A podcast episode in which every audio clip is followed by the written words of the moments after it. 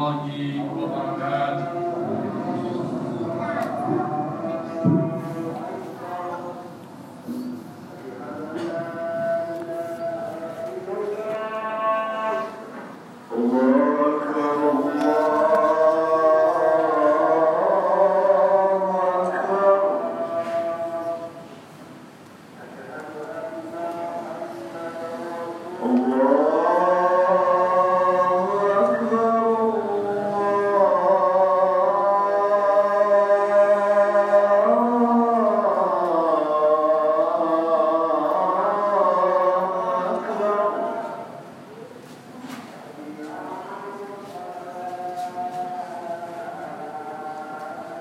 أشهد أن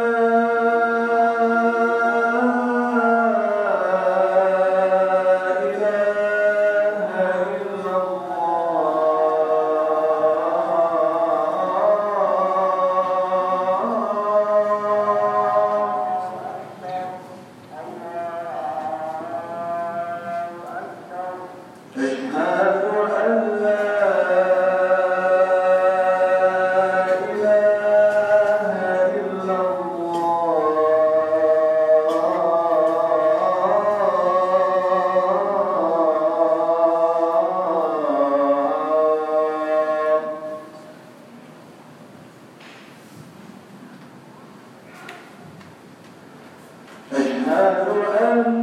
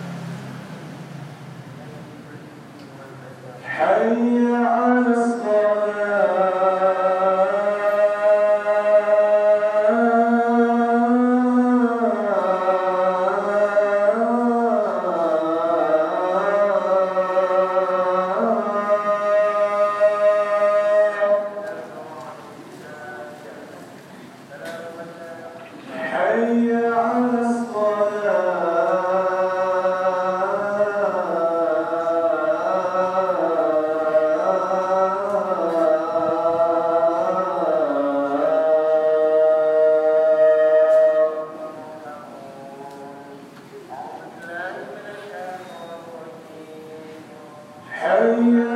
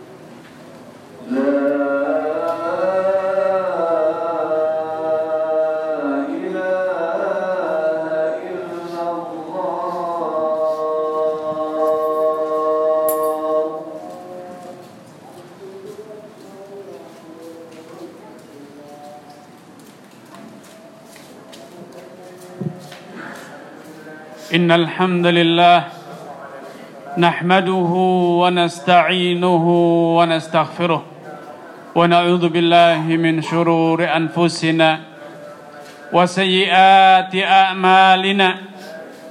من يهده الله فلا مضل له ومن يضلل فلا هادي له. أشهد أن لا إله إلا الله وحده لا شريك له وأشهد أن محمدا عبده ورسوله أما بعد عباد الله أوصيكم ونفسي بتقوى الله فقد فاز المتقون يقول الله عز وجل كنتم خير أمة أخرجت للناس تأمرون بالمعروف وتنهون عن المنكر وتؤمن وتؤمنون بالله Sungguhlah kalian khairu ummatin ukhrijat linnas adalah umat yang terbaik yang Allah ciptakan untuk umat manusia seutuhnya. Umat Islam dan yang terdepan adalah sahabat-sahabat Rasulullah sallallahu alaihi wasallam. Benar-benar umat yang terbaik. Umat yang paling berguna bagi seluruh umat manusia sejalan dengan umum risalatihi sallallahu alaihi wasallam sejalan dengan Islam yang merupakan risalah agama untuk seluruh umat manusia. Sehingga sahabat pun adalah generasi terbaik yang Allah pilih untuk mendampingi untuk mendukung perjuangan dakwah Rasul terbaik yaitu Rasulullah sallallahu alaihi wasallam Muhammad bin Abdullah. Karena beliau diutus kepada seluruh umat manusia. Karena nasu karena karena nasu yub'atun ila qaumihim khassah dahulu para nabi sebelumku diutus kepada kaumnya masing-masing. Wa bu'ithtu ilan nasi kafah. Adapun aku diutus kepada seluruh umat manusia. Ayat di atas menggambarkan bahwa salah satu simpul kunci khairiyatul ummah. Baiknya umat ini dan kejayaan umat umat ini adalah tegaknya amar ma'ruf nahi mungkar. La ta'muruna bil ma'ruf wa la tanhauna 'anil munkar. Sungguh hendaknya kalian benar-benar menegakkan amar ma'ruf dan nahi mungkar kalau tidak Allah akan cerai berikan hati-hati kalian. Allah akan jadikan kalian centang berentang. La yukhalifannallahu baina qulubikum. Niscaya kalian betul-betul akan saling permusuhan, pecah belah di antara kalian sendiri. Umat al-Islam banyak ayat dalam Al-Qur'an dan sabda Nabi sallallahu alaihi wasallam memerintahkan kita untuk menegakkan amar ma'ruf dan nahi mungkar namun tentu Al-amru bil ma'ruf falyakun bil ma'ruf. Ketika kita memerintahkan yang ma'ruf, hendaknya itu dengan cara-cara yang ma'ruf pula, dengan cara-cara yang baik pula. Dan tatkala kita mencegah yang mungkar, jangan sampai mencegah yang mungkar mendatangkan kemungkaran yang lain. Bisa jadi itu lebih besar dibanding kemungkaran yang kita ingkari. Spirit amar ma'ruf nahi mungkar sungguhlah nyata di tengah umat ini. Setiap umat Islam yang sadar akan keislamannya, setiap umat ber, yang beriman yang sadar akan suara hatinya akan tergugah dan terpanggil untuk ikut ambil bagian dalam syiar agama Islam ini yaitu amar ma'ruf nahi munkar. Sehingga wajar bila setiap muslim terlebih darah muda, anak-anak muda, darahnya mendidih tatkala melihat kemungkaran merajalela, tatkala ada pelecehan terhadap agamanya, tatkala ada hukum-hukum Allah yang dinistakan ataupun dilanggar dengan terang-terangan. Seluruh umat Islam darahnya mendidih. Namun, cukupkah amar ma'ruf dan nahi mungkar itu ditunaikan dengan semangat yang menggebu-gebu, dengan api yang membara-bara? Tentu tidak semangat saja tidak cukup. Semangat saja tidak cukup, haruslah dengan tuntunan dan keteladanan dari Nabi sallallahu alaihi wasallam sehingga amar ma'ruf nahi mungkar kita tegak di atas sunnah Nabi sallallahu alaihi wasallam. Suatu hari datang seorang A'rabi ke masjid Nabi sallallahu alaihi wasallam fabala fi nahiyatin fi ta'ifatin min al-masjid Arab Badui tersebut dengan keluguannya, dengan keterbatasan ilmunya, intelektualnya dan sopan santunnya, tanpa sungkan masuk ke masjid. Kemudian dia mencari tempat yang agak sunyi, kemudian dia kencing di sudut masjid. Fahammu bihi. Spontan para sahabat geram. Betapa tidak. Ini adalah pelecehan. Ini adalah penistaan. Ini adalah menodai salah satu simbol agama Islam yaitu masjid rumah Allah Subhanahu wa taala. Spontan para sahabat darahnya mendidih. Bergejolak ini adalah penghinaan, pelecehan terhadap umat Islam. Kencing terang-terangan di hadapan para sahabat, bahkan Rasulullah ada di masjid. Tanpa sungkan, tanpa risih, tanpa malu, dia kencing di dalam masjid. Fahamu bihi maka mereka segera bangkit hendak menindak orang tersebut, menghakimi orang tersebut. Namun apa yang dilakukan oleh Nabi SAW? Apakah Nabi bangga dengan semangat dan spirit amar ma'ruf mungkar para sahabat yang kurang perhitungan? Tidak. Da'uh wala tuzrimuh. Justru Nabi melarang mereka, mencegah mereka. Bukannya Nabi mencegah kemungkaran yang sedang terjadi. Tetapi Nabi justru mencegah orang yang hendak menegakkan nahi mungkar yang sedang terjadi. Kenapa?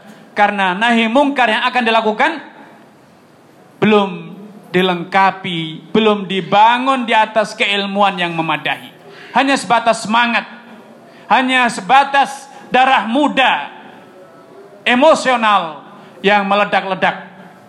Tetapi ilmu dan tuntunan Nabi tidak demikian. Justru Nabi mengatakan, "Da'uh, biarkan dia menyelesaikan kencingnya wala tuzrimuh. Jangan kalian ganggu." Subhanallah. Apakah Nabi berarti merestui kemungkaran ini? Tidak. Apakah Nabi membenarkan kemungkaran ini? Tidak. Sekali lagi tidak sama sekali. Inilah kemungkaran yang harus diingkari. Namun dengan cara yang ma'ruf, dengan cara yang baik.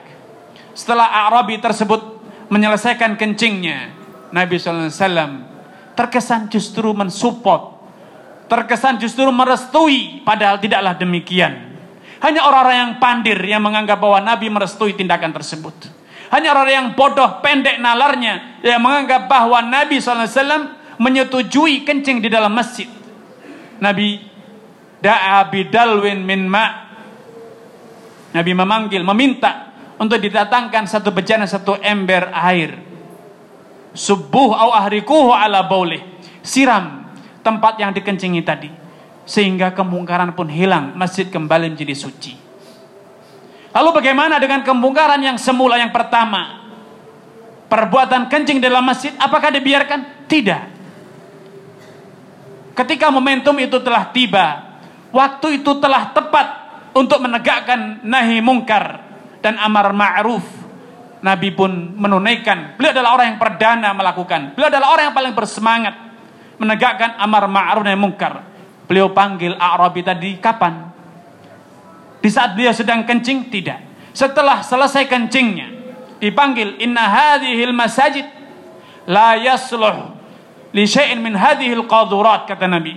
Sejatinya masjid ini tidaklah layak untuk dijadikan tempat buang kotoran semacam ini. Innama hiya li dzikrillah wa iqamatil wa iqamatis salah. Sejatinya masjid ini dibangun untuk menegakkan zikir Allah, zikir kepada Allah dan menunaikan salat. Subhanallah. Inilah nahi mungkar yang beliau lakukan dan juga amar ma'ruf yang beliau tunaikan. Memperhatikan waktu, ketepatan sasaran dan fokus pada penyelesaian masalah, bukan emosional yang disalurkan, bukan semangat yang membara yang diperturutkan, tidak. Semuanya dilakukan berdasarkan ilmu dan pertimbangan yang matang.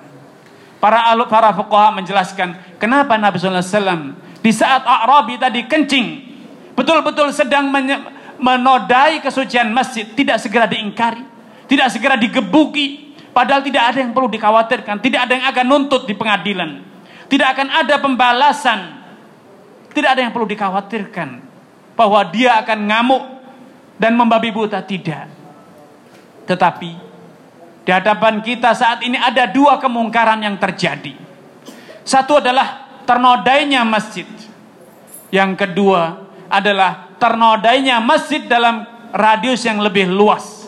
Karena bayangkan Kalau Arabi tadi digebuki, dipukuli sedang dia kencing, apa yang terjadi? Dia akan berlari dengan kencingnya keliling di masjid.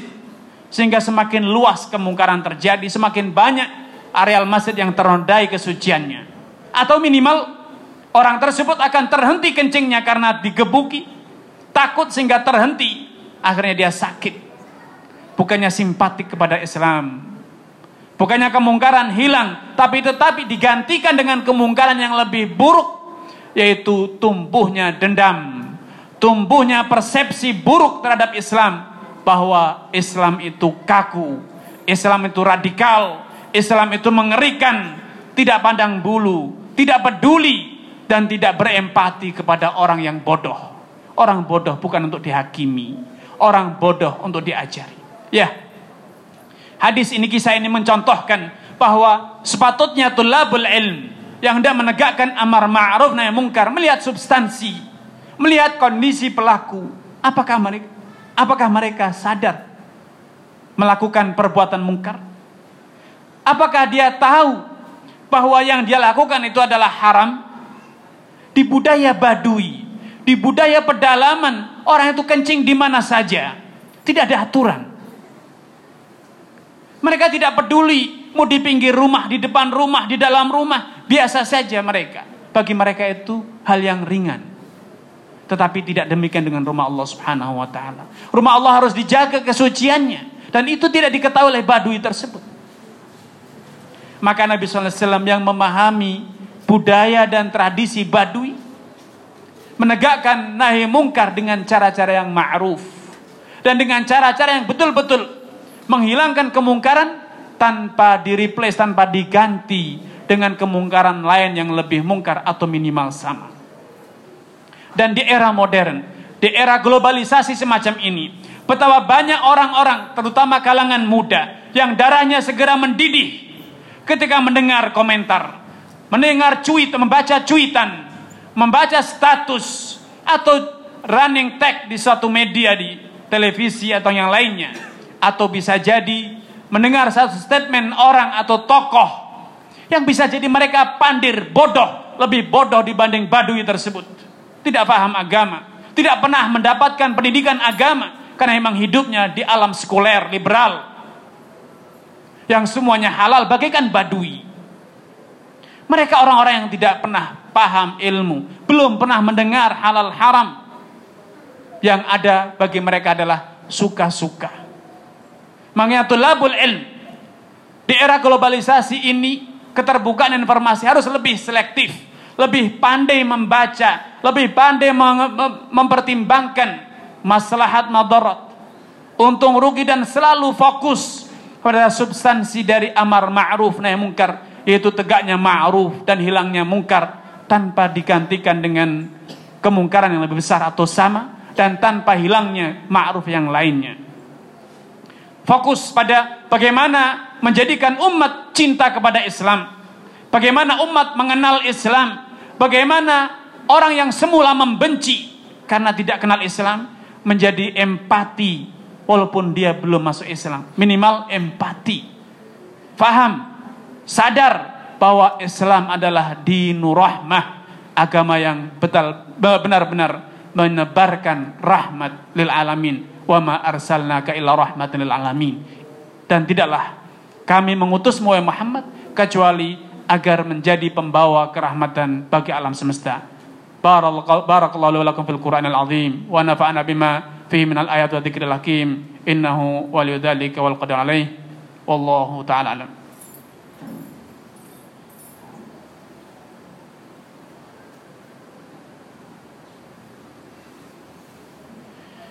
الحمد لله الحمد لله حمدا كثيرا طيبا مباركا فيه والصلاة والسلام على تمان الأكملان على شفيعنا وحبيبنا وقرة عيوننا نبينا محمد بن عبد الله وعلى آله وأصحابه ومن سار على نهجه واكتفى أطول يوم الدين أما بعد عباد الله semangat menegakkan amar ma'ruf nahi mungkar dengan segala modelnya dengan komentar dengan status dengan cuitan, dengan bulian, dengan makian, bahkan dengan tindakan kekerasan. Ya, secara niat secara keinginan, secara spirit patut diapresiasi. Umat Islam masih memiliki ghirah untuk membela kehormatan Islam.